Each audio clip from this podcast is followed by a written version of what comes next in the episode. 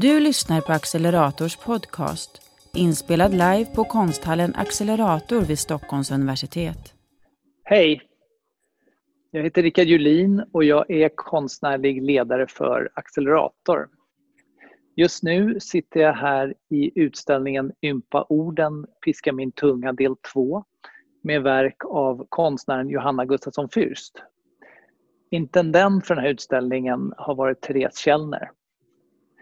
Den här utställningen visas i två salar här på Accelerator och i det här rummet eh, visas den nya installationen Biblioteket. Eh, den består av skulpturer, bänkar och sen en publikation som finns här i rummet som heter Stridsskrift. På vår hemsida så kan ni finna filmer med redaktören och flera av författarna till den här boken. Eh, man finner också en film med en visning av den här utställningen där konstnären visar oss runt tillsammans med intendenten. Och sen kan man beställa den här boken också på vår hemsida, den som vill. Jag vill hälsa välkommen till det här samtalet och jag kommer alldeles strax att lämna över till dagens moderator Tom Moring som är professor emeritus i kommunikation med inriktning mot journalistik och även hedersdoktor vid humanistiska fakulteten här på Stockholms universitet. Det här samtalet idag och hela samtalsserien under våren utgår från ämnen som Johanna Gustafsson Fürst varit upptagen med under skapandet av utställningen de senaste ett och ett halvt åren. Frågor om språk och makt, men även relationen mellan språk och kropp. Alla samtal i serien finns även att ta del av i efterhand som video på vår Youtube-kanal eller som podd i iTunes. Eh, jag vill avrunda med att bjuda in er alla som tittar och lyssnar här idag till våra personliga digitala visningar av utställningen som vi har startat. På vår hemsida under rubriken Besök oss kan man kontakta våra värdar som hjälper till och boka ett möte för att se och även samtala med oss här i utställningen. Och med det så lämnar jag över till Tom Moring. Tack Rickard. Eh, och välkomna allesammans till eh, det här samtalet eh, som alltså går under rubriken Mjuka lagar och hård verklighet. Konst plus forskning. En dryg timme framöver ska vi diskutera hur språk behandlas i Sverige och ute i Europa och kanske lite i andra delar av världen också. Och då gäller det framförallt minoritetsspråk. Eh, det här eh, samtalet förs i ljuset av den här konstutställningen som ju har det här provocerande namnet Ympa orden, piska min tunga. Eh, en utställning alltså inspirerad av och tematiserad av vårt förhållande till språk. Och den här utställningen borde ju vara öppen för allmänheten men som vi hörde av det som Rickard just berättade och av orsaker som vi alla förstår så är den här utställningen stängd för annat än individuella besök.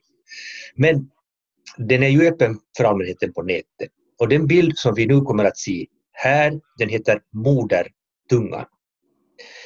Eh, mycket av det vi talar om idag ska handla om just detta.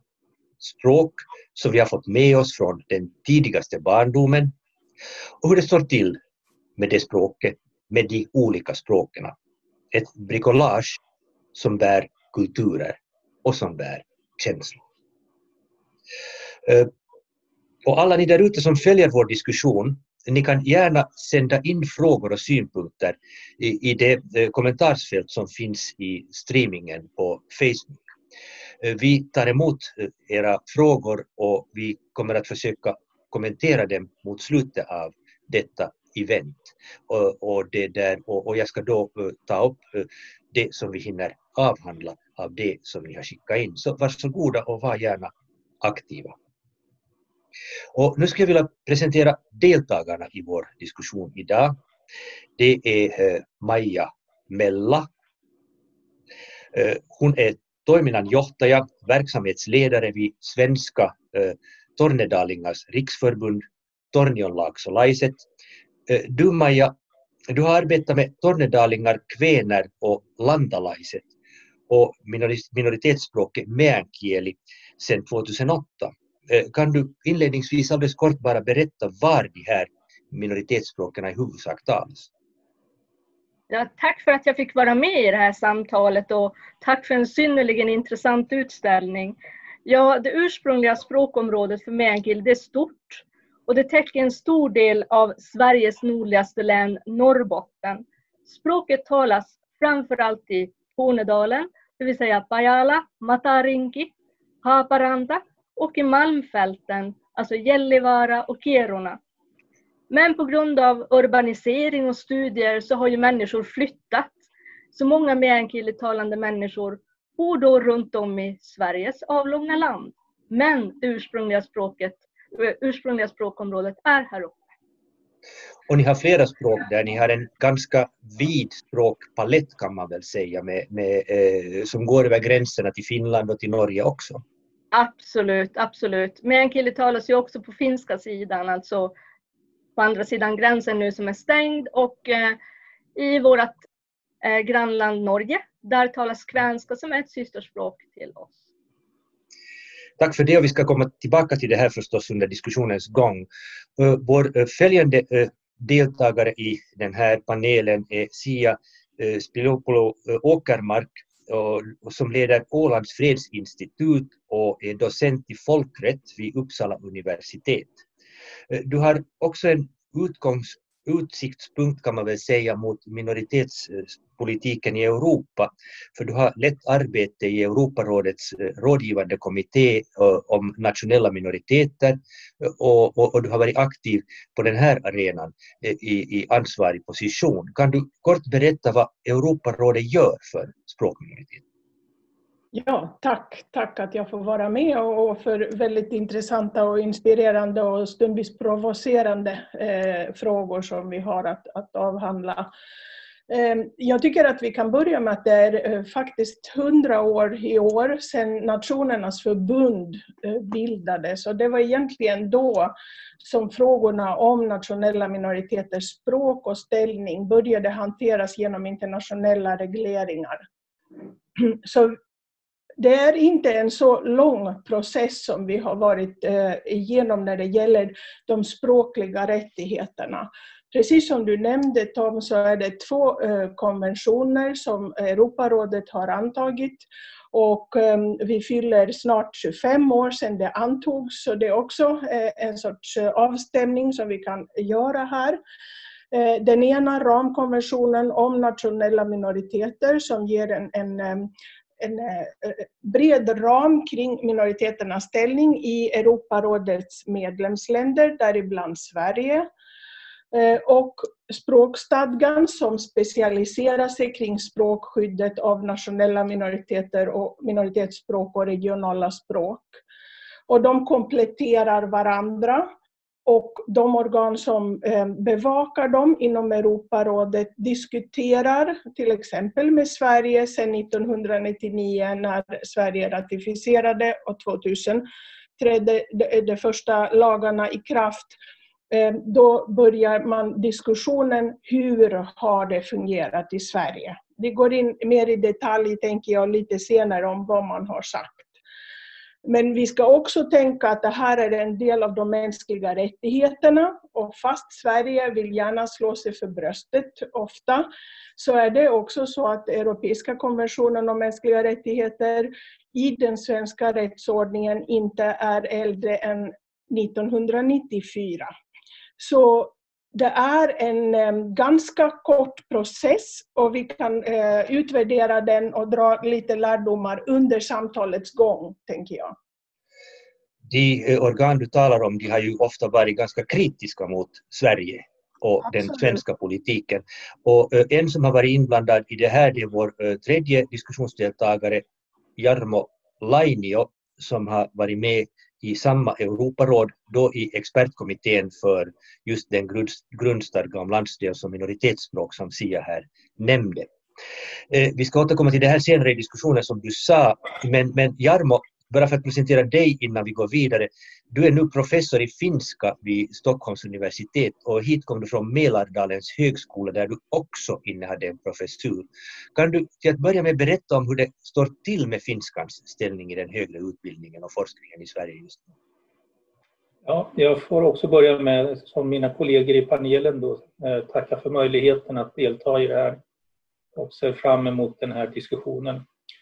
Eh, ja, finskan är ju Eh, så att säga, i Stockholms universitet så mår den väl ganska bra. Alltså vi har ju undervisning både på finska och om finska och lärarutbildning sedan några år tillbaka. Och vi har ett samarbete då med olika universitet där de andra nationella minoritetsspråken har sin lärarutbildning eller utbildning. Eh, ser man tillbaka några år eh, så ser man att det finns undervisning i finska på tre universitet idag i Sverige och det är alltså uppifrån norr, Umeå, Sen är det Uppsala och sen Stockholm. Och eh, då kan man också notera då att eh, undervisningen i finska har lagts ner i Lund, i Göteborg, i Luleå och vid Mälardalens högskola. Så att eh, det är inte bara rosor i det här fältet. Men jag tror att vår största utmaning ligger kanske ändå inte på högskolenivå utan det är ju snarare så att ett språks Eh, framtid och användningsområden beror ju på hur det används i hela samhället. Och vi brottas ju med, eh, bland annat på lärarutbildningarna, med eh, studenter som kanske inte har de språkliga ingångarna som behövs. Och hur de här språken mår i grundskolan och gymnasiet och till och med före grundskolan är helt avgörande för språkens framtid. Det här är väl kanske en av de viktigaste frågorna som vi ska avhandla under den här eh, eftermiddagen. Det där, eh, eh, men kanske vi börjar från en riktigt grundläggande fråga och en fråga som jag själv har stött på många gånger och som jag tycker att är jättejobbig. För jag tycker inte att den, personligen har jag inte hittat liksom något naturligt svar på den. Och då kan vi kanske ta in följande bild av, av Johanna Gustafsson Fyrs här.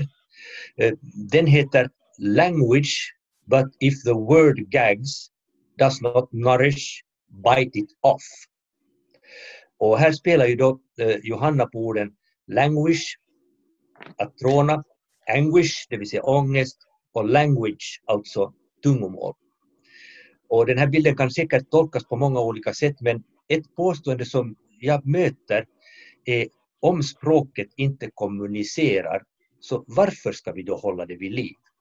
If it does not nourish, bite it off.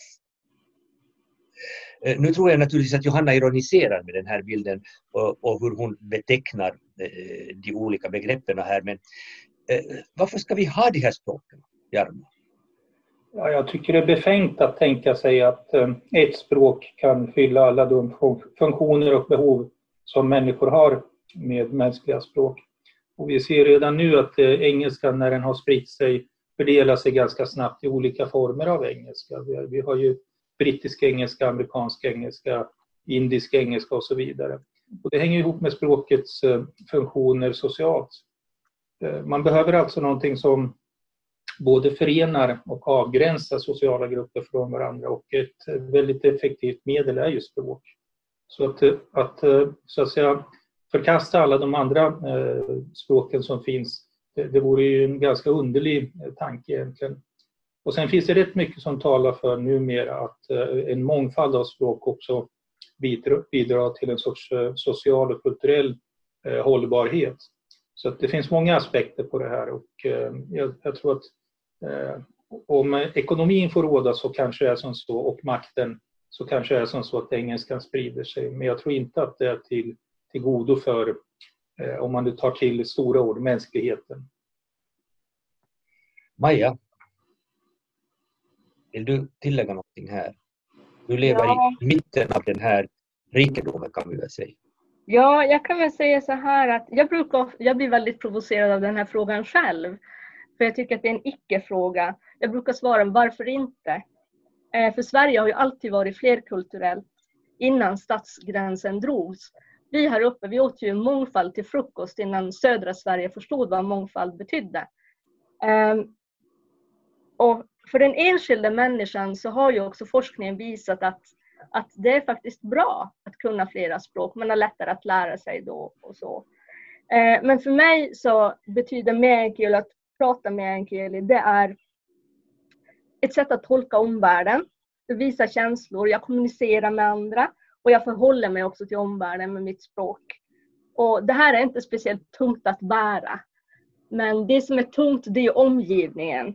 Och, och, när man kollar på de språkliga rättigheterna så vi kommer ju att komma in i det senare i samtalet, men jag vill ju som kommentera en utmaning som samtliga språk delar. Och det är Sveriges passiva förhållningssätt till utbildning.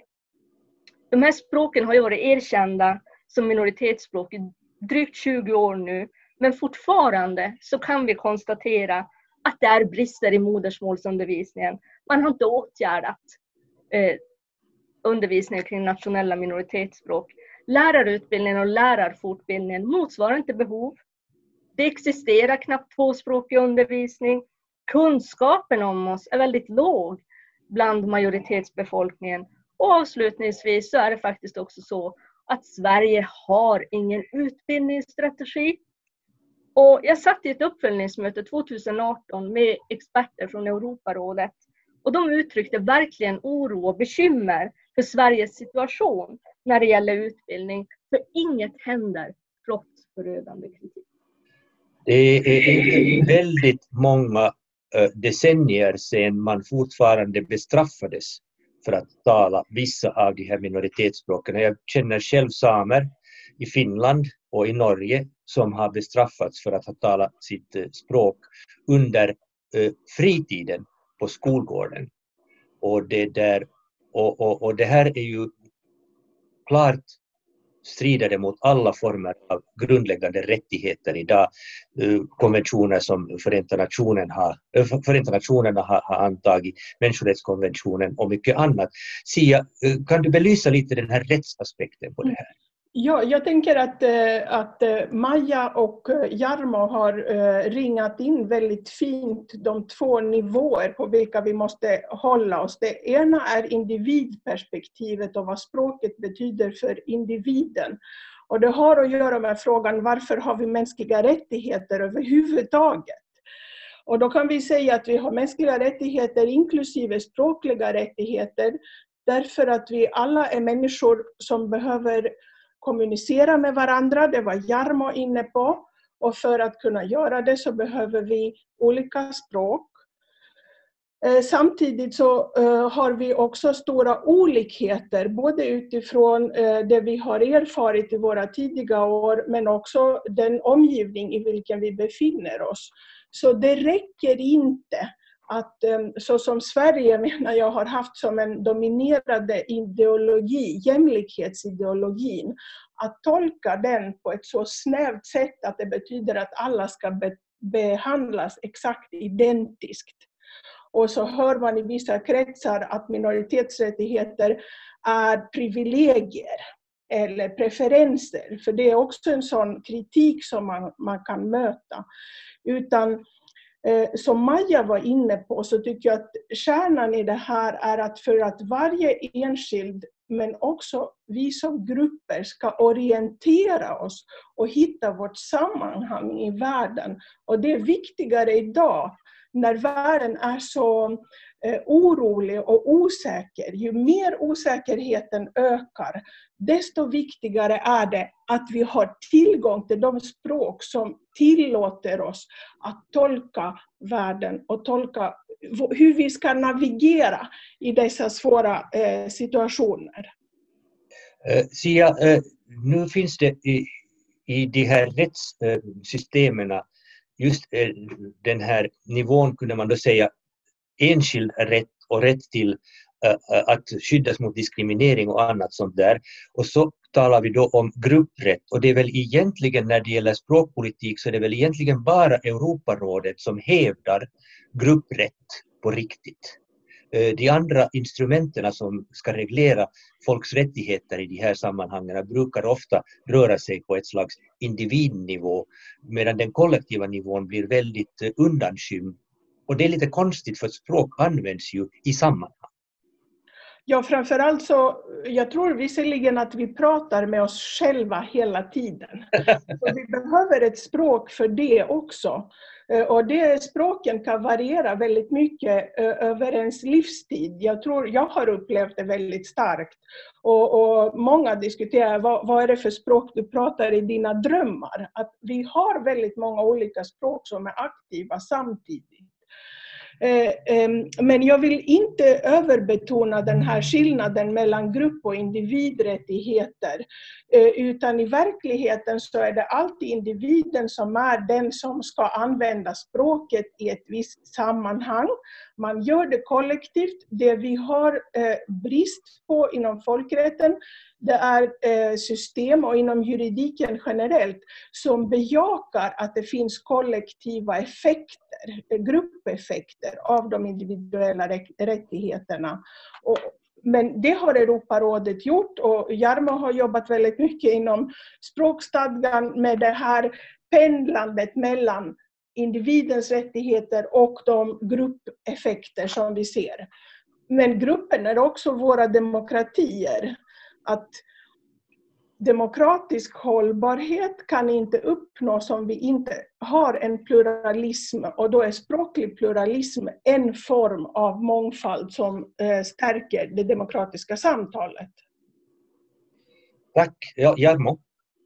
Ja, bara ett par korta tillägg till den här goda och eh, förklarande eh, beskrivningen av det här med individuella grupprättigheter ett problem för båda nivåerna är nog att de här lagarna, oftast, rättighetslagar är ofta så vitt jag förstår så kallade soft laws eller mjuka lagar. Mm. Vilket innebär att det är ganska svårt egentligen att uh, utfärda sanktioner mot de som bryter mot de här. Och uh, när stater gör det så är det kanske ännu svårare.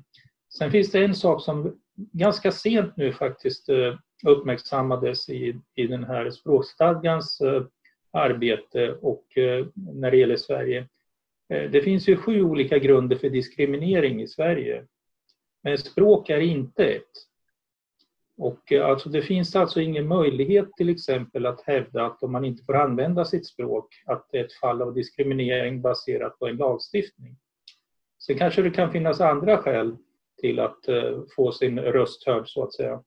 Mm. Jag vet inte om Sia vill kommentera det här men det här var lite grann överraskande och är ju inte eh, till eh, någon sorts fördel för Sveriges rykte som en, en stat som upprätthåller rättigheter på olika plan. Mm. Ja, det, det, är riktigt. Den rättsliga, eh, det rättsliga utkrävandet av rättigheter i Sverige har varit svagt. Men vi har sett också att det har accelererat ursprungligen utifrån Europeiska konventionen om mänskliga rättigheter och vi har sett det ganska starkt när det gäller åberopandet av internationella konventioner när det gäller funktionsnedsättning, barns rättigheter och urfolk. Eh, jag skulle vilja hävda som, som jurist att man kan åberopa Europeiska konventionen om mänskliga rättigheter där språk är en grund för diskriminering och ha det som ett argument. Det finns eh, ingen sån ehm, eh, tolkning, ett tolkningsföreträde för den svenska lagstiftningen på ett sätt som skulle blockera åberopandet av EU eller Europarådslagstiftning. Eh, men, men det gäller att vi alla är medvetna och för fram de här argumenten, eh, både i undervisningen i juristutbildningen och där kan jag konstatera att det har inte funnits något väldigt starkt intresse för eh, minoritetsjuridik, om vi nu vill kalla det, i den svenska juristutbildningen. Det här kan vi säkert också komma, fram, komma vidare på senare, men nu ska vi ta in en bild av henne som har gjort den här utställningen som vi ser här i bakgrunden, eller har sett här i bakgrunden och på bild. Johanna Gustafsson Fürst, har vi den bilden eh, i, i eh, lagen någonstans? Ja, här fick vi henne. Jo, hej Johanna, du är inte med i sändning men jag hälsar dig så här tyst. Och, det där, och, och vi har ju alla beundrat det arbete du har gjort. Eh, i din presentation av den här utställningen så skriver du att jag är upptagen av hur språk flätar samman våra kroppar och samhällen, men framförallt av hur det är när språk bryts sönder och vad det har för konsekvenser. Vad gör till exempel det språkvåld som stater använder sig av för att upprätthålla och utöka nationalstaten? Fast många vet att språk är något i ständig förändring som stimuleras, stimuleras av olikheter så föreslås likriktning, till exempel genom neddragning av modersmålsundervisning och krav på svenskspråkighet som förutsättning för medborgarskap. Ska vi ta en bild fyra här? Uh, Sverige har ju alltså, och den här heter enspråkigt territorium. Och det är lite intressant att, att Johanna kallar den här bilden för enspråkigt territorium mot bakgrund av det att eh, Sverige, trots allt det som vi här har sagt tidigare i kritik av utbildningssystem och annat, så har Sverige ett starkt lagstadgat stöd för både modersmålsundervisning, det här finns i språklagen och i skollagen, två lagar som stiftades redan för tio år sedan. Och trots det här så blir det ett enspråkigt territorium i praktiken. Modersmålsundervisningen har vi, betalat, har vi redan talat om och, det där, och, och också rättigheten att så att säga eh, hävda att man blir diskriminerad utifrån ett språkkriterium, att, att få skydd för, mot diskriminering på det sättet. Men det där, hur kommer det sig, Jarmo, att den här lagstadgade grunden, att den inte följs upp? Det här är ju ett illegalt läge, kunde man på något sätt säga. Ja, och man kan väl se att olika myndigheter på olika nivåer så att säga bryter med, mot eh, både internationella konventioner och eh, svensk lagstiftning. Men, men, som jag ser det så, så, finns det tre olika paradoxer i det svenska synsättet på språk. Och det första är då att det är ett ganska stort glapp mellan lagstiftning och eh, praxis. Alltså det som bestäms nationellt och internationellt och accepteras på den nivån genomförs ofta inte på lokal nivå. Där har man ju det här med kommunal autonomi som, som en, en bromskloss. Sen finns det en annan lite senare variant av de här paradoxerna. Det är att hela det svenska skolsystemet och även retoriskt så säger man att flerspråkighet är jättebra. Men tittar man på vad som händer i skolan så finns det ganska få effekter av det där återigen. Att eh, det är väldigt många olika aspekter på undervisningen som leder till en eh, sorts eh, avsnävande till svenska och engelska. Och sen finns det ytterligare en sak som kanske förklarar att de här andra paradoxerna faktiskt uppträder och det är att det finns en sorts glapp mellan en sorts positiva offentliga attityder och vad människor egentligen Eh, tänker privat. Och eh, det här med att eh, alla människor är ju också privata. Och det, det kan ju vara som så att attityder på det privata planet faktiskt övertrumfar det som då sker på en sorts samhällsplan eller offentligt. Och det här är ju svåra frågor. Att förändra attityder i ett samhälle, det tar ju årtionden ofta. Och nu har vi gått två decennier framåt från de här internationella konventionernas inträde. Så kanske kan det börja hända saker när det gäller attityderna. Och det finns väl tecken på att åtminstone de nationella minoritetsspråken är mer accepterade nu än tidigare. Men eh, det gäller ju inte bara nu då bara och bara, de är ju viktiga, jätteviktiga, men eh, det, är, det begränsar sig inte till de nationella minoritetsspråken utan vi talar ju också om ett vidare språklandskap. Många människor som har kommit från andra länder och som eh, i en andra generation eller senast i en tredje generation tenderar att förlora sina språk och kanske också förlora kontakterna till föräldrar eller morföräldrar, farföräldrar på ett språkligt plan. Vill ni kommentera det här? Jag vill, jag vill gärna kommentera det om jag får tillfälle. Ja, um, Först vill jag kommentera bilden och konstverket lite, för jag tyckte att det var kusligt, för jag, jag fick en känsla av en giftig spindel och så tänkte jag, är det engelskan som är en giftig spindel här? Är det engelskan som är boven i dramat? Eh, men det tror jag inte det är, eh, utan jag tror att boven i, i dramat är just precis enspråkighetens paradigm. Och det är någonting eh, som vi, vi, vi jobbade med en bok som heter Towards Openly Multilingual Policies eh, and Practices tillsammans med, med flera kollegor.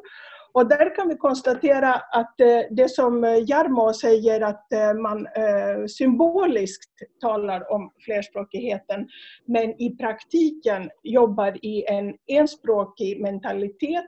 Det är ett väldigt utbrett fenomen och vi ser det i väldigt många länder inklusive i Sverige. Och vi ser också något som jag har påtalat flera, flera gånger, att man försöker spela de nationella minoriteterna mot nyare, senare inflyttade och försöker skapa konstruerade obefintliga gränser mellan de här grupperna när verkligheten är en helt annan. Ehm, och eh, vi har positiva diskussioner kring det. Eh, till exempel finns det inom Organisationen för säkerhet och samarbete i Europa eh, riktlinjer för integration i mångfaldiga samhällen, eh, Guidelines on Integration of Diverse Societies, som försöker komma över den här strikta distinktionen. Samtidigt är det så att Sverige har ett särskilt ansvar, precis som andra länder, för de nationella minoritetsspråk som har funnits i Sverige sedan lång tid tillbaka. Det är en, en ytterligare en, ett argument varför vi har ett särskilt ansvar för de språken. Eh, både för de trauman som vi har tillfört med vår, vårt språkvåld, som Johanna vill peka på, Eh, Eh, men också för att vi vill värdera den, den mångfald som vi har eh, upplevt. Men för att, att ta eh, något positivt i det hela så är det att eh, Sveriges Radios litteraturpris i år går bland annat till Nina Wehe. Eh, och så har vi en person med rötterna i Bulgarien och i Tornedalen och som skriver på svenska. Verkligheten hinner ikapp oss och jag tror att lagstiftningen kommer att, behöva eh, ändras i den riktningen. Kan vi få bild nummer fyra tillbaka bara för att titta på den här giftiga spindeln som Sia talar om? Ja, jag hoppas att jag inte vantolkar allt för mycket. jag tycker associationen, det var den föregående. Den. Det där, jag tycker din association kommer nära min, men så tycker jag jag ser en monokel där i mitten. Liksom ett sikte eller en fokusering. Mm. Och jag tolkar den här bilden framförallt utifrån den här fokuseringen mm. av äh, kulturen mot en enhetskultur där det finns så mycket annat äh, som kunde bidra. Det här är något som vi inte bara ser i Sverige, vi ser det i vissa andra länder i Europa också. Frankrike hävdar mycket starkt en enhetskultur. De tre baltiska staterna, men framförallt då Lettland, hävdar mycket starkt en sån här kultur och en del andra länder som har kommit ut ur det här mm. så kallade östblocket. Det här med enhetskultur är ju ett problematiskt begrepp. Någon vill kommentera? Jag vet inte vad Maja vill göra därför att eh, de kulturella aspekterna i norr har ju alltid varit starka. Jag vet inte, jag, jag, jag är ju uppvuxen i en flerkulturell miljö. Eh, där både mormor och farmor kom från Finland. Eh, morfar och farfar var lantalaiset, tornedalingar. Eh, en kille som modersmål. Jag är uppvuxen också i Verdi-samhället, alltså vi hade samer som bodde hos oss och det här ända in på 80-talet. Um, ehm, så att det här med enhetskultur, alltså vi, på något vis så finns det ett Sverige och så finns det ju vi. och vi är som något annat. Um, och jag har som inte någon bra, bra svar på, på på det här utan mer att vi, vi lever som vi alltid har levt. Det har alltid löst sig. Vi, vi är vana att eh, fightas. Vi är vana att jobba under extrema förhållanden och det klarar vi av. Um, sen tänker jag på den här giftspindeln här med monocken eh, och va, va, varför man inte kommer framåt trots att man har ett lagstadgat stöd och, och vi pratade om paradoxer här innan och dylikt. Jag tycker att det är så jäkla, ursäkta svordomen, uppenbart att det assimilatoriska synsättet fortfarande lever kvar i Sverige. Det är så tydligt. Det är så tydligt. För att annars hade det varit fullkomligt naturligt för våra barn att få lära sig sitt språk i skolan. Det hade varit fullkomligt naturligt att så ska det låta, skulle också vara på minoritetsspråk. Men det är inte så. Maja, det, det, där, det där är intressant därför att när propositionen gavs år 1999 för de nationella minoritetsspråken, alltså då sa ju ministern, nu minns jag i hastigheten inte hennes namn, men hon sa att den här propositionen... Messing. Messing. Messing. Ja, det var Messing. Messing. Det var Ulrika Messing. Hon sa att den här propositionen ges och lagen ska stiftas för att skydda dessa språk inför framtiden. Så det fanns ett framtidsperspektiv där som då tydligen inte följs upp i praktiken. si har bett om ordet. No, jag tänker att, att det finns, det är väldigt viktigt vad eh, eh både majoriteten och eh, minoritetsgrupperna och talarna gör och hur man agerar eh, runt det. Eh, och jag tycker att det är väldigt signifikativt att vi har alldeles nyligen en ny eh, väldigt fin rapport från Institutet för språk och folkminnen som har den talande rubriken Svenskan är den fasta inredningen om språklig representation i det offentliga rummet. Och det handlar bland annat om eh, skolbibliotek som är ett sådant viktigt offentligt rum där språken ska visas och där vi ser att eh, det svenskans ehm, eh, betydelse och synlighet är helt dominant. Med det vill jag ändå eh, klargöra att det finns ett legitimt kommunikativt intresse och en förväntan hos alla stater att det ska fungera i praktiken. Det är ingen som ifrågasätter det och alla minoritetstalare säger att vi vill ha ett kommunikativt språk, ett vardagsspråk som tillåter att vi kommunicerar och vi fungerar i samhället. Eh, så faktum är att Sverige har lite mm, missbedömt läget därför att man har trott att betydelsen är väldigt stor när det gäller användningen av språk gentemot vissa eh, offentliga myndigheter, domstolar och sånt. Mm. Men det är inte riktigt där hjärtat och behoven finns hos minoritetsgrupperna även om det är väldigt viktigt att det finns ett stöd för användningen av minoritetsspråk i eh, bred mening i det offentliga rummet för att de mm. inte ska eh, isoleras till att bli eh, hemspråk i ett slags diglossi som väl termen lyder. Så är det. Men det där, eh, ska vi gå vidare nu och det där, eh, ja Jarmo ville säga någonting, vi tar ja, dig för... Ja, ja, varsågod. Ett par uh, saker till. Alltså det som Sia var inne på är ju väldigt intressant för att på ett sätt så är en sorts eh, nyordning men där innehållet i nyordningen är detsamma, att svenskan ska betonas. Och i skedet, eh, slutskedet av 90-talet och början på 2000-talet så var det många förespråkare för svenska som då noterade att svenskarna håller på att hamna i minoritetsposition gentemot engelska. Mm. Det, det där ledde ju så småningom till språklagen, mm. försvar för svenskan, men där man så småningom, småningom blev påmind om att det finns andra språk också då som kom med i språklagen. Då. Men, men den andra saken är ju, eh, lite grann var ju Maja inne på det där också, att eh, jag tycker det är väldigt eh, historielöst på något sätt att eh, årtionde efter årtionde konstatera att Sverige har nu blivit flerspråkigt och mångkulturellt. Mm. Det har aldrig varit enspråkigt eller enkulturellt. Mm. Man för ju ofta fram stormaktstiden som någon sorts eh, gyllene tid och då talades uppåt 20 språk i Sverige. Mm. Så att eh, det, det, är någonting i den här historielösheten som, som gör att man eh, egentligen eh, har skygglappar för den mångfald som alltid har funnits där. Lasse Lucidor som var en av de grundande poeterna för svensk poesi i tiden skrev visst på åtta olika språk. Mm. Och han skrev då för flera hundra år sedan så det här får ju ger ju stöd åt, det som Jarmo sa på ett, på ett lite annorlunda sätt. Det där, får vi in bild nummer fem nu?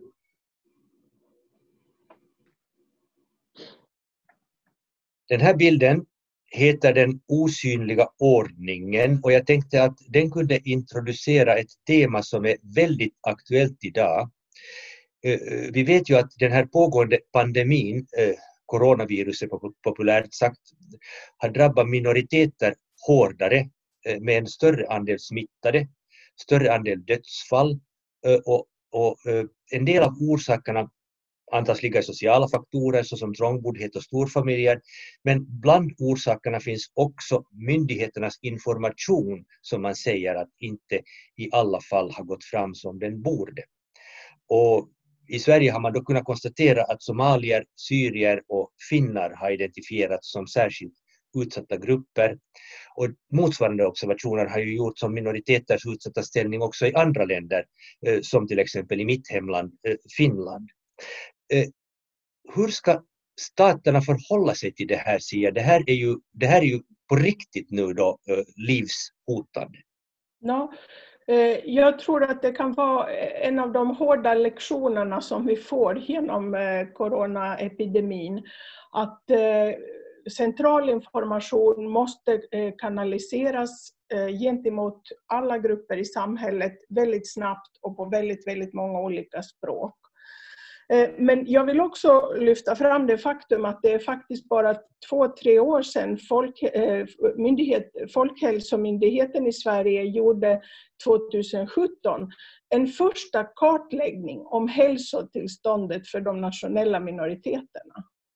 Så att både när det gäller alla dessa inflyttade grupper och när det gäller de nationella minoriteterna har frågor om hälsa inte varit särskilt högt på tapeten. Och vi vet att den språkliga stigmatiseringen och de upplevelser av trauman, särskilt under slutet av 1800-talet, gentemot minoritetsgrupperna, samerna inte minst, och vi har väldigt många nya eh, intressanta vittnesmål, har lämnat också somatiska spår. Och det, de spåren är till och med över generationerna. Och det tycker jag är väldigt intressant och nytt. Vi forskare har inte heller eh, följt det, att det finns ett sådant samband mellan kroppen och språket. Kan du säga lite närmare vad du menar med somatiska spår?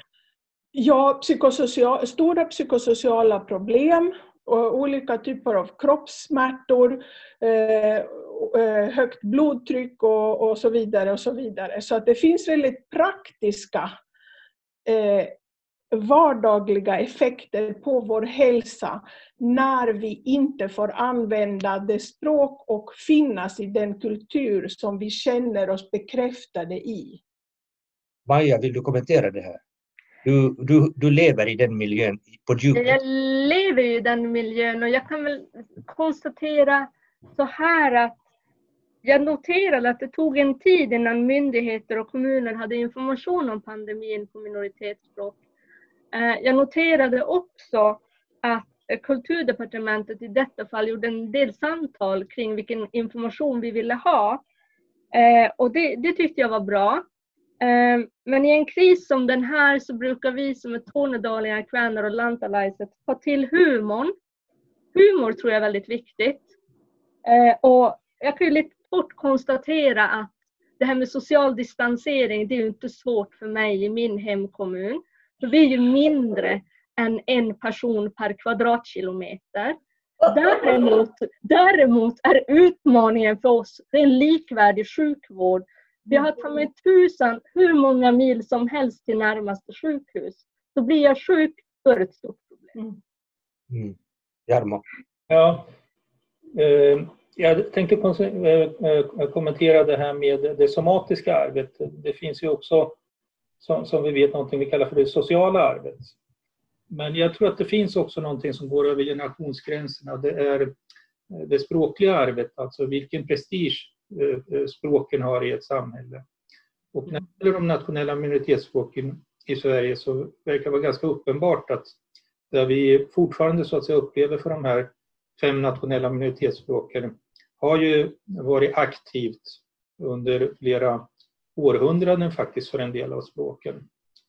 Eh, sen en, sak, en praktisk sak, det här med informationen på olika språk om en sån här allvarlig händelse, det är ju förstås Eh, A och O att man når hela befolkningen så snart som möjligt. Men det finns ganska goda exempel, eller jag vill inte säga goda exempel.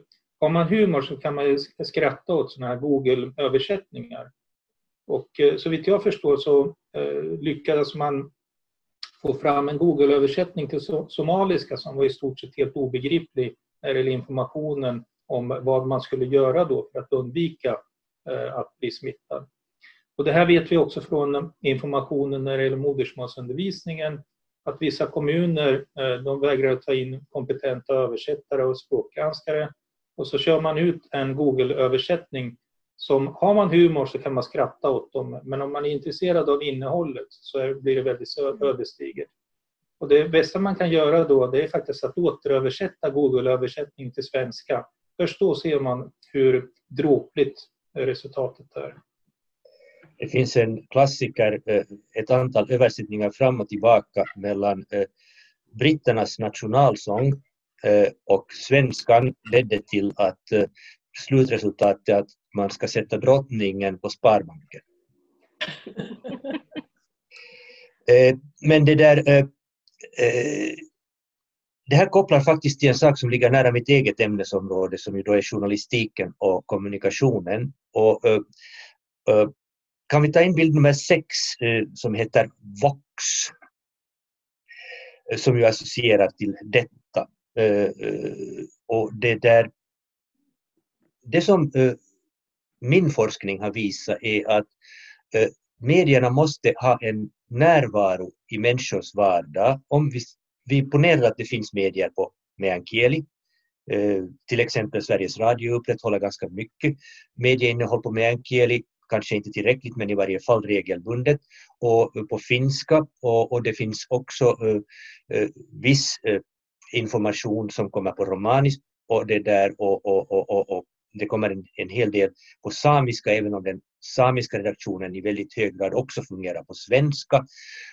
Men, det där, men för att de här språkgrupperna på allvar ska nås så måste utbudet vara så regelbundet och så betydelsefullt för de här minoriteterna att de faktiskt hänger med på kanalerna och inte bara rör sig i sina egna sociala nätverk där informationen som kommer dels ofta det har vi sett under den här krisen, är väldigt eh, eh tillspetsad. Dels är rent felaktig, utgår från felaktig information och dels väldigt motstridig. Och eh, en ansvarstagande journalistik eh, eftersträvar ju att komma över den här formen av, eh, av, av, av felaktigheter och felkällor. Men det förutsätter då att man har så mycket ute där i etern, ute i luften, att folk faktiskt hänger på kanalerna. Eller att man har sådana tidningar som faktiskt når folk regelbundet. Hur är det med den här dimensionen i den svenska språkpolitiken? Hur är det med mediepolitiken som en del av sättet att informera allmänheten? Vem vill ta i det här? No, jag kan säga... Ja. Ja, Sia, du får först. Maja sen. Jag tänkte att, att det är en sån här ständig fråga som har varit mellan eh, Europarådets granskande organ och, och Sverige. Att, vad säger regleringsbreven till mm. public service först och främst? Så där har man ett verktyg för eh, tydligare public service. Eh, men sen så tycker jag att jag skulle vilja lyfta fram att dels digitaliseringen har inte bara eh, fört med sig positiva saker. Vi ser att över gränserna så har eh, de nationella upphovs, upphovsrättsliga reglerna satt stopp för den service som fanns tidigare. Det tycker jag är en fråga som åtminstone här i Norden skulle vi genom en, ett, en nordisk överenskommelse helt lösa. Jag förstår inte hur det är möjligt att vi har det problemet kvar. Eh, men sen i relation till Vox så tänker jag att många minoritetsspråk och minoritetsgrupper, kanske inte finskan, men många andra grupper och språk är så små och man har så begränsade resurser själva inom gruppen att där är en sån hemsida som minoritet.se väldigt viktig för att man inte ska själva behöva uppfinna all, alla ramarna och alla plattformarna. Och avslutningsvis, Vox röst. Nu är det bara så att Johanna har använt sig av Bengt Pohjanen och Bengt Pohjanens litteratur. Eh, och jag tror att det som händer nu är att när medierna fragmenteras, som du var inne på Tom, så kommer litteraturen in och fyller ett rum som medierna inte klarar av att fylla. Eh, så, och där har Sverige resurser, till exempel det arbete som Sato Gröndahl gör i, i Uppsala kring minoritetslitteratur i Sverige. Mm, ja, Maja? Tack. Ja, var ska jag börja? Eh, jag kan väl säga så här att eh, Meänkieli och eh, Sveriges Radio, Sveriges, eh, Sveriges Radio och Meänradio har ett högt förtroende eh, i sin publik och är de som har mest sändning. Eh, jag kan väl också konstatera att Sveriges Television och Utbildningsradion har en del att göra och en del att lära sig. Eh, vi har ju de senaste åren varit eh, vad ska man säga, mer och mer i dialog med public service-bolagen som gärna vill hålla armlängds avstånd. Och då är det ju framförallt då Sveriges Radio och, och eh, Sveriges Television. Eh, jag tror att public service-bolagen måste bli angelägna för minoriteterna. Alltså man måste gå från att beskriva om minoriteterna, eller som i det här fallet som vi hänvisar till, man gör program på svenska, det är alltså speglingsuppdraget, till att faktiskt göra program med minoriteterna. Det är det viktiga. Och där ser vi faktiskt att nuvarande sändningstillstånd, där har man skärpt till kraven. Man har ett behov av första sändningar. Det ska public service-bolagen fixa. Eh, att det ska, de ska bli fler. Sen så ska också dialogen med nationella minoriteter genomföras. Alltså det är krav på det nu. Eh, jag tänker själv så här att skulle vi inte ha public service, då skulle synligheten om nationella minoriteter i samhället vara väldigt liten. Alltså det här speglingsuppdraget som du talar om, eh, det är ju en intressant eh, eh, sak därför att åtminstone då när det förra det där uppdraget gavs till Sveriges Television, Sveriges Radio och Utbildningsradion, så då hävdade ju då, de här medierna att de ville stärka medlings, för det här speglingsuppdraget. Mm. Och, och, det där, och riksdag och, och, och regering sa nej. Mm. Och, och, nu sa du att det här har skärpts i det nuvarande eh, sändningstillståndet och det, det gäller, jag har också sett det här och det gläder mig. Men det finns ju en spänning här mellan de här mediebolagen som tydligen lite har en annan vilja än vad, eh, vad, vad, vad eh, regering och riksdag har. Så kan det ju givetvis vara.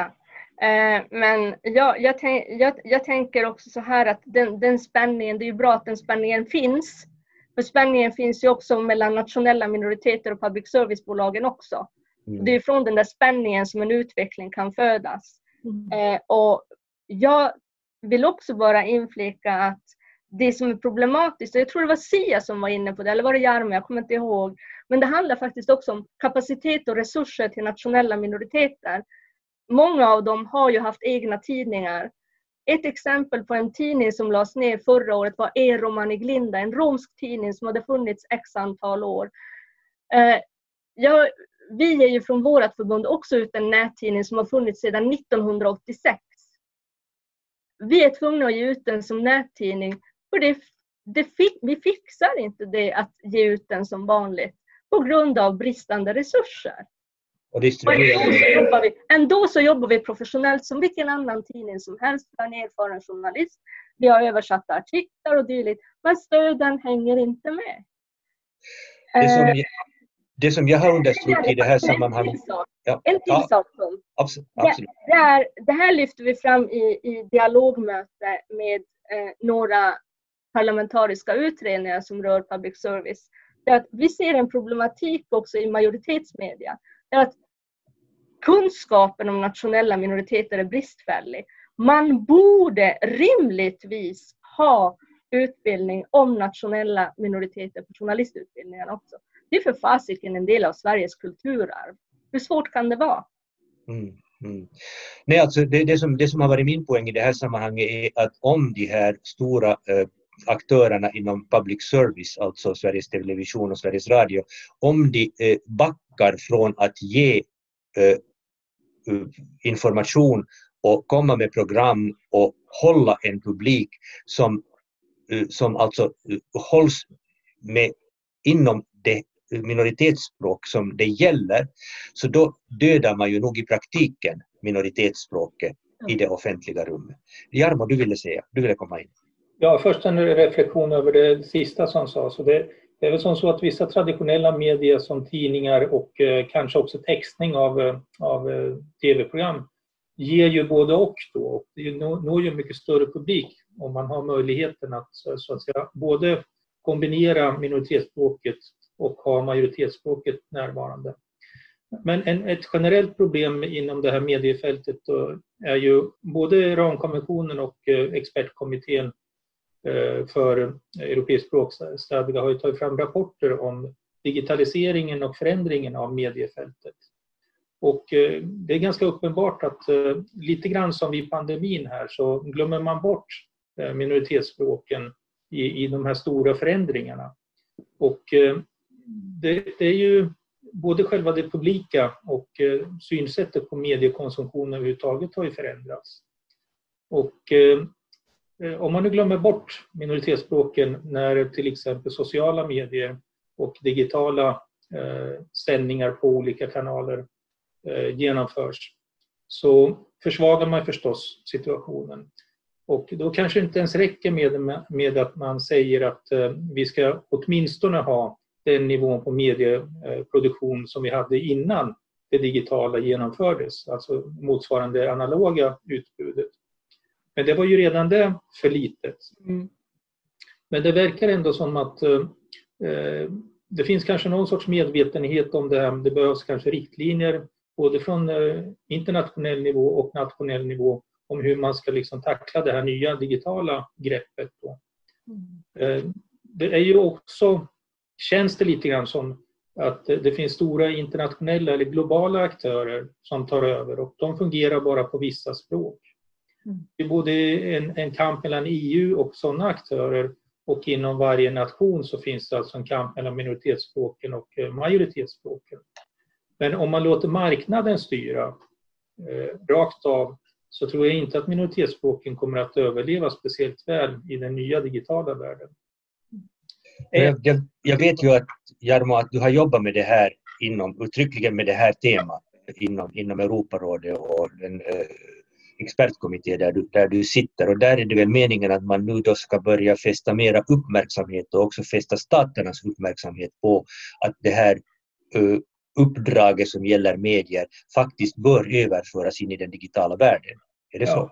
Ja, och där finns det ju det finns ju många utmaningar här för att det har varit svårt att uppfylla ratifikationerna tidigare i den analoga världen. Men det som tillkommer här nu det är ju att det finns förmodligen en sorts eh, åldersstruktur i mediekonsumtionen som gör att äldre kanske hellre bibehåller det äldre analoga utbudet medan yngre kanske inte ens läser dagstidningar eller tittar på nyheter eller något sånt. Och då behöver man ha båda de här synsätten levande under en övergångstid. Kan vi nu ta in bild nummer sju? Vi tar in den alldeles kort för att tiden går snabbt. Eh, men där vill jag bara påpeka Eh, Eh, det att det är den bilden som egentligen då har varit, eh, eh, kunde man säga, den bild som har givit namnet åt hela Johanna Gustafsson Fürsts utställning. Den heter Ympa orden, piska min tunga. Och vi kan väl göra det här till någonting av en, en liten quiz till Jarmo och, Maja. För att nu säger Eh, Johanna att eh, hon eh, inspirerades till utställningen efter att ha besökt Lainio i Norrbotten. Och du heter ju Lainio, Jarmo. Vad vill du säga till ditt försvar? Ja, jag är oskyldig. Men det var ju som så att när Johanna blev engagerad av Accelerator så hade hon också gjort en tur till Lainio. Då var ju Bengt Novén som är aktiv inom Accelerators uppbyggnad kom ju på att den där Lainio här på universitetet, han sysslar med minoritetsspråk så vi kan väl kolla om han kan vara engagerad i det här. Och eh, som en liten eh, anekdot så kan jag säga att jag var i Lainio själv för första gången för två år sedan. Annars är det ju här från sydvästra Finland ett släktnamn som egentligen översatt kanske betyder vindevåg. Men eh, där uppe i Lainio så finns det både vind och våg och det har också funnits rätt drastiska effekter av den språkpolitik som har förts där. Och om jag inte har helt fel så kommer Maja från någon grannby till Lainio rent av. Maja. Jajamensan, det var faktiskt väldigt roligt. Jag tänkte fråga dig Lainio hur det kändes att vara i Lainio. det är så ja. att jag kommer från Kurkio, en grannby till eh, Lainio. Det är kanske bara 3, 4, 5 mil fågelvägen. Jag har åkt dit någon gång med skoter. Fantastisk miljö. Ja. Jag kan, lite symboliskt kan jag säga att när, när vi skulle över Lainio älv då, från den västra sidan, så trodde vi att vi skulle ta oss över för hand med bilfärjan då, men en lokalbo hjälpte oss då med och visade var den dolda motorn satt. Det var också lite symptomatiskt att han var återflyttare till eh, Lainio. Eh, och han hade varit musiker i det kända bandet Chains någon gång på 60-70-talen och lämnat bygden då. Eh, urbaniserats helt enkelt och internationaliserats. Men på äldre dagar tyckte han att Lainio räckte upp dög för honom då. Utmärkt. Vi går vidare till bild nummer åtta.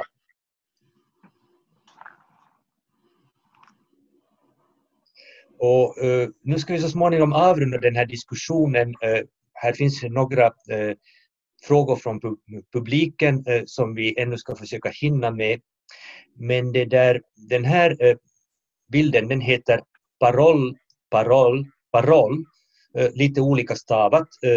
En trespråkig titel som anspelar på slogan, villkorlig frigivning och vardagligt tal. Och vi har väl bara lite varit inne på det här. Jag skulle vilja gå lite djupare in på den här frågan. Jag tror att det var Sia som sa att frågan om minoritetsspråk i huvudsak faktiskt gäller det att folk talar det och att folk ges en möjlighet och inspireras att, att använda det i praktiken.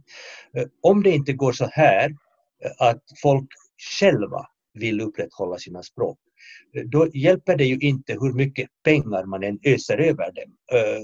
För att då blir det inte effekt av eh, resursspridning eller, eller resursanvändning.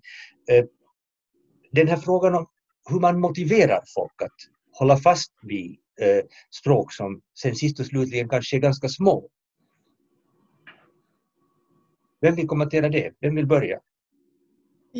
Jag kan eh, utgå igen ifrån eh, resultaten i forskningsprojektet eh, Eldia, där vi såg väldigt tydligt att även i de nordiska länderna som har alltså ett demokratiskt system och formellt lagstiftning och ehm, en, en positiv syn på mänskliga rättigheter. I de nordiska länderna är flera talare av minoritets språk, vi studerade finno-ugriska språk i de olika länderna, eh, har en väldigt låg självkänsla och självsäkerhet och en positiv eh, tillit till att ha möjligheten att bevara och utveckla sina språk. De känner sig väldigt osäkra om läget. Och det är någonting som jag tycker att vi måste studera vidare och diskutera vidare. Det visar för det första att lagen inte räcker. Eh, och för det andra så visade det, att det behövs riktade eh, åtgärder. Och vi har nu pratat mycket om medier, men vi vet att det är eh, revitaliseringen, det vill säga de små barnens eh, och eh, familjernas vilja att föra över sitt språk till de yngre generationerna som är avgörande. Eh, och, därför så skulle jag vilja se insatserna just i undervisningen i de lägre klasserna, i de första klasserna. Det är där vi måste göra satsningarna i framtiden. Det finns intresse och det visar sig i litteraturen och teatern och musiken. Sia har bett om ordet. Nej, förlåt, Maja bad om ordet. Ja, jag tänkte bara säga så jag skulle vilja få tillbaka den där bilden som eh, berörde ympa-orden piska min tunga. Det är bild nummer sju det. Ja.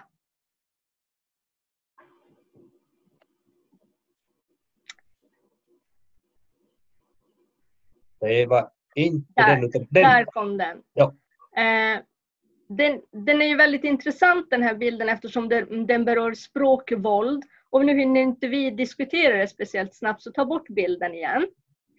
du, får gärna, du får gärna lite tid att säga.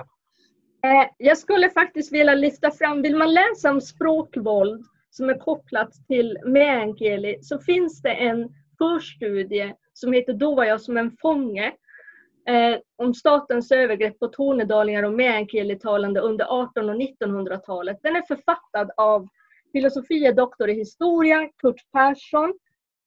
Eh, och den rapporten beskriver eh, arbetsstugor, internat, om hur barn togs dit och berövades sitt modersmål, tvingades att prata svenska.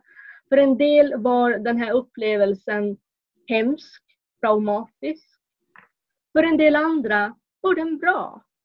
Så att bilden är inte homogen, men det finns många starka vittnesmål i den här rapporten. Den beskriver också rasbiologiska undersökningar, arbetskraftsexport till byggandet av Sveriges välfärd.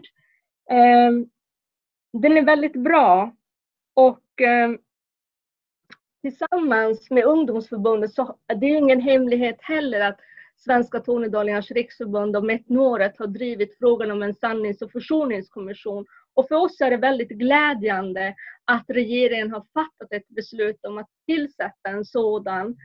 Eh, det är ett stort steg i eh, att reparera förhållandet till staten och att, att eh, blottlägga vår historia. För det är så att det, det är kanske många av oss som inte heller känner till hela historien. Så att det, det är en väldigt positiv händelse trots att det är ett mörkt kapitel. Eh, sen vill jag också säga något om det här med språk och kultur. Eh, Sia, Jarmo och jag har ju mötts i många sammanhang och eh, på olika sidor om bordet och ibland på samma sida av bordet. Eh, och eh, ni har ju också ett förflutet av att ha jobbat med språk väldigt länge och jag skulle vilja säga att för meänkielisk del så upplever jag en otrolig skjuts nu. Eh, den har jag sett de senaste åren. Eh, både vad gäller ökning av unga och unga vuxna som vill lära sig språket. Och det är fler som engagerar sig. En del tar tillbaka sina gamla efternamn som var försvenskade. Platsnamn dyker upp. Det kommer ut mer litteratur och så vidare. Och språket syns också mer och mer i sociala medier. Alldeles nyligen startade vi upp ett projekt också som just handlar om att meänkieli ska in i nya domäner. Eh, och vad jag vill säga med det är att människor och civilsamhället mobiliserar. Men samhällsstrukturerna hänger inte med. Och det som sker nu de här närmaste åren och som har skett här tidigare, det är jätteavgörande för språkens överlevnad. Mm. Före Hjalm får ordet så ska jag bara, eh, eh, det, det, är väl säkert så att på er hemsida så har ni uppgifterna om hur man får tag på den där boken som du visade. Jajamän. Ja. Jarmo? Um, ja, det, det så vore det lite synd att späda på med lite kommentarer nu när Maja landade i en ganska positiv utveckling. Men ändå som, som reaktion på det Sia sa att när det gäller koloniala miljöer så brukar man ju tala om koloniseringen av sinnet. Mm. Det är en lång process och vi pratar om arvet på olika nivåer. Och eh, har man en utveckling där två, tre generationer inte fått lära sig språket så har ju inte heller barnen som växer upp nu möjligheter att lära sig det i en sorts genuin miljö. Mm. Och att då hamnar man i en revitaliseringsprocess och då har man delvis kanske förlorat kampen för att eh, revitalisering innebär att man börjar på nytt. Och eh, uppbyggnad och utveckling var ju det som var målet under 80-90-talet fortfarande, men sen har ju skolsystemet mankerat. Så att det här är ju en effekt av tidigare försyndelser kan man säga. Och eh, det finns ju positiva tecken nu att eh, bland annat i de här förvaltningskommunerna som gäller för samiska, meänkieli och finska så har man ju rätt till förskoleservice helt eller till väsentlig del på modersmålet. Och eh, i de kommuner där det fungerar, och det är ungefär i hälften av fallen, så blir det också en effekt hos unga föräldrar att man faktiskt vill satsa på det här igen. Men jag tror jag stannar där för att jag tror att vi håller på att tappa tid här nu. Ja, jag kan bara tillägga att det som vi ser i språkstatistiken och som ju i och för sig är glädjande är att i väldigt många minoriteter runt om i Europa, jag talar nu om vad som händer i Spanien, jag talar om vad som händer på Irland, jag talar om vad som händer i, det där, i, i, i, i eh, delar av, av, av Italien, eh, så kan eh, de unga som har fått undervisning i och om sitt eh, minoritetsspråk i skolan idag bättre det här språket än vad deras föräldrageneration kan språket. För att föräldragenerationen förlorade det och det har skett en viss revitalisering som har fått vissa effekter. Och det kan vi ju hoppas att fortsätter. Jag håller helt med det som Sia sa att det är ju nog eh, från skolan och egentligen från barnkrubban man måste mm. börja. Till exempel samerna har ta tagit efter eh, modell från Nya Zeeland och Kanada med språkvals, eller språkbadskrubbor eh, som har i, räddat vissa av de här eh, språken som till exempel enaresamiskan eh, inför framtiden. Ett språk som var på väg att dö ut med väldigt stor fart, väldigt hög fart, var väldigt nära att, att, att att falla, falla ur, ur, ur, historien helt och hållet. Nu har vi två frågor här från eh, publiken och de berör egentligen samma sak så jag läser upp dem och så kan vi ta en kort diskussion kring detta och kanske sen efter det sammanfatta. Det är Lotta Didanovic Nilsson som säger så här att några menar att det är strukturell diskriminering när man inte får tillgång till sitt minoritetsspråk genom modersmålsundervisning. Hur ser ni på det?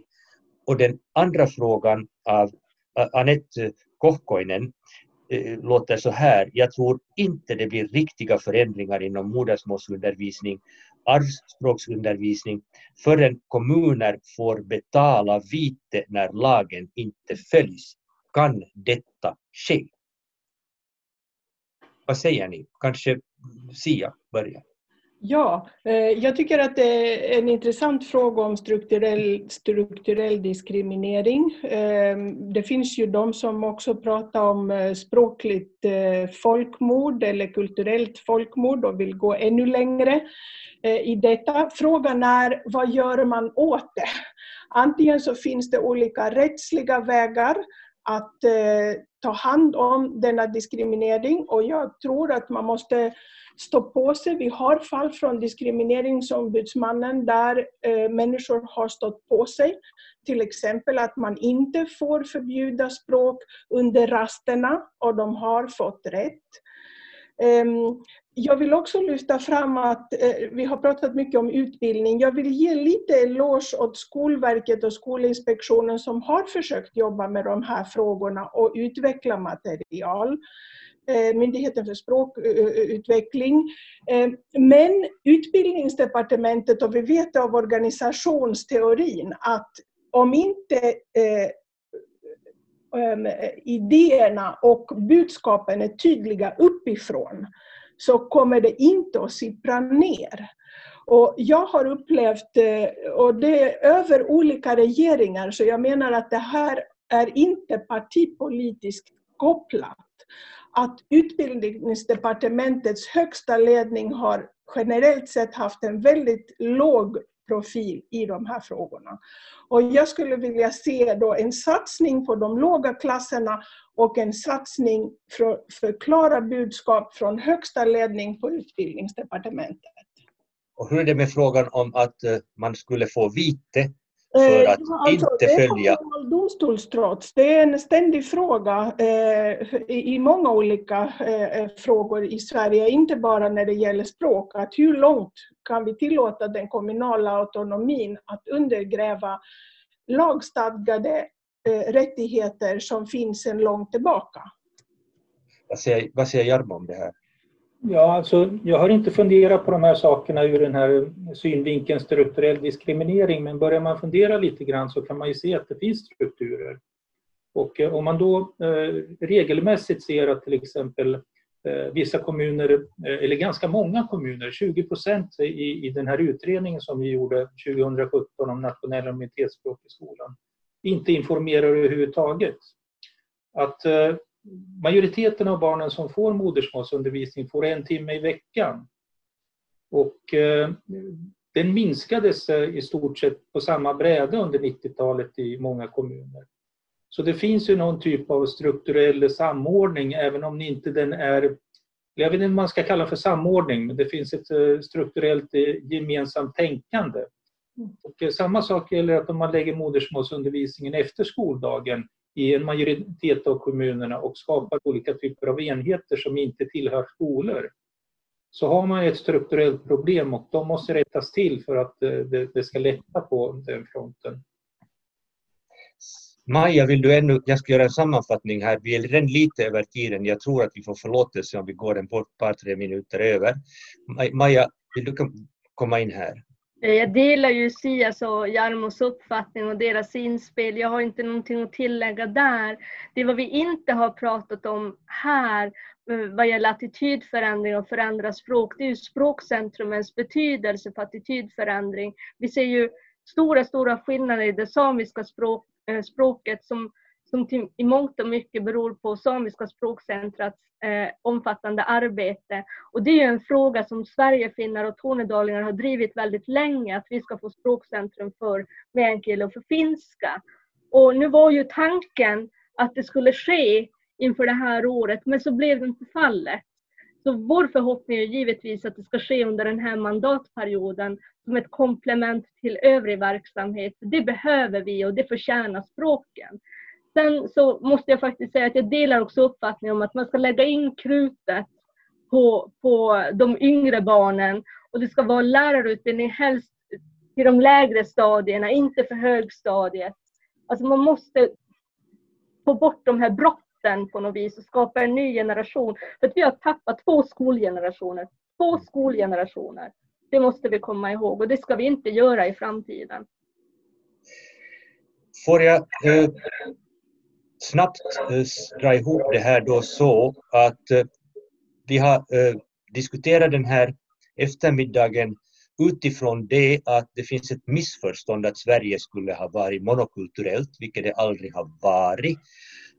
Att det finns en brist på reglering som stöder grupprättigheter och en brist på uppföljning när det gäller att faktiskt få de här den här lagstiftningen som gäller utbildning eh, att fungera i praktiken.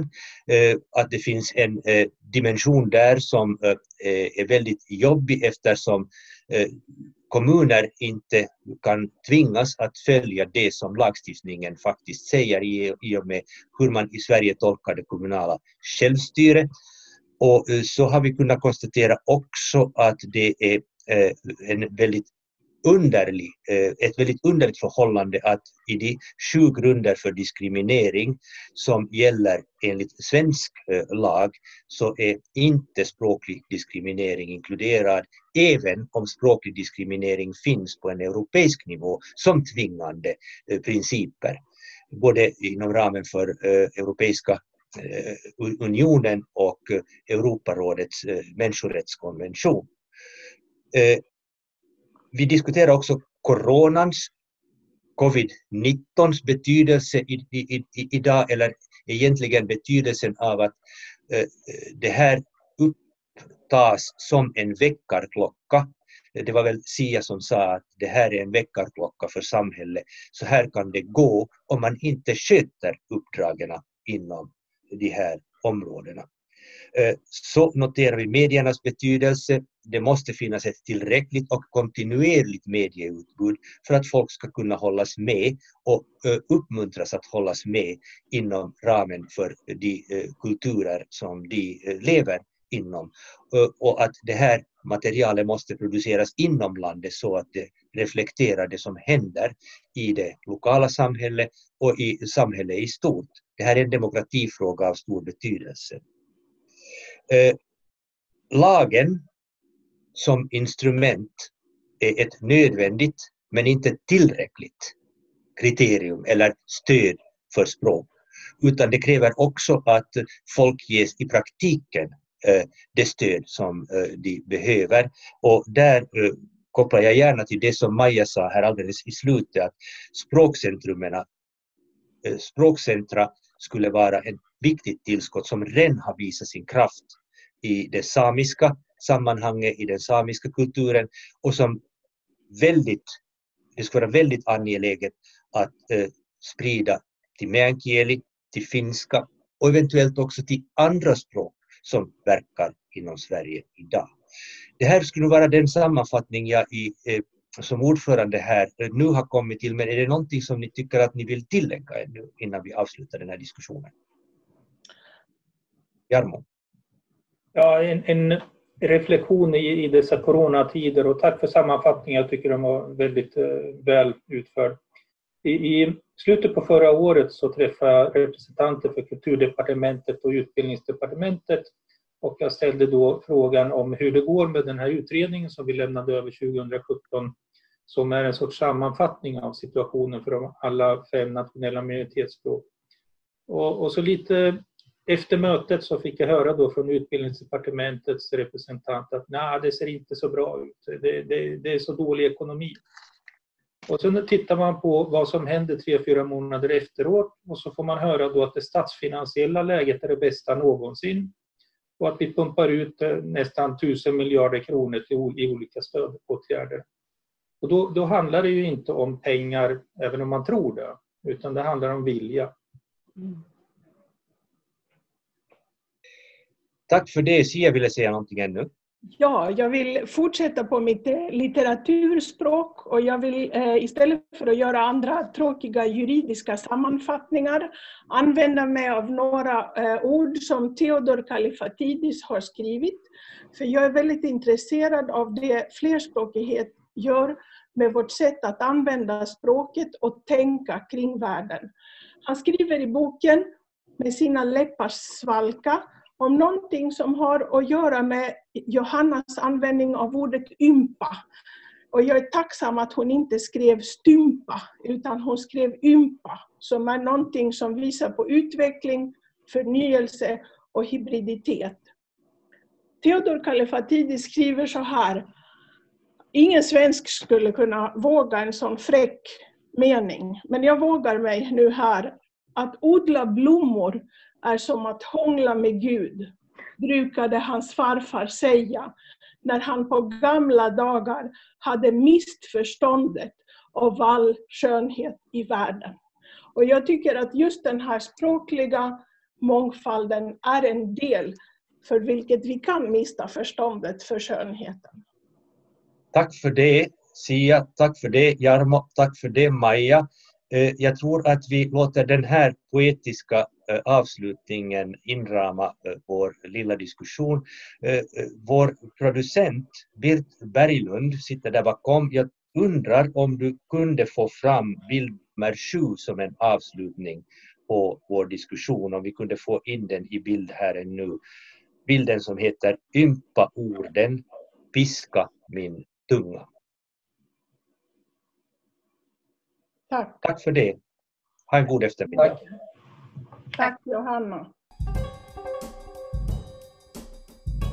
Du har lyssnat på en podcast från Accelerator, inspelad live på konsthallen Accelerator vid Stockholms universitet. För att ta del av vårt program, prenumerera på vår podcast och besök Accelerators hemsida acceleratorsu.art där du även kan prenumerera på vårt nyhetsbrev.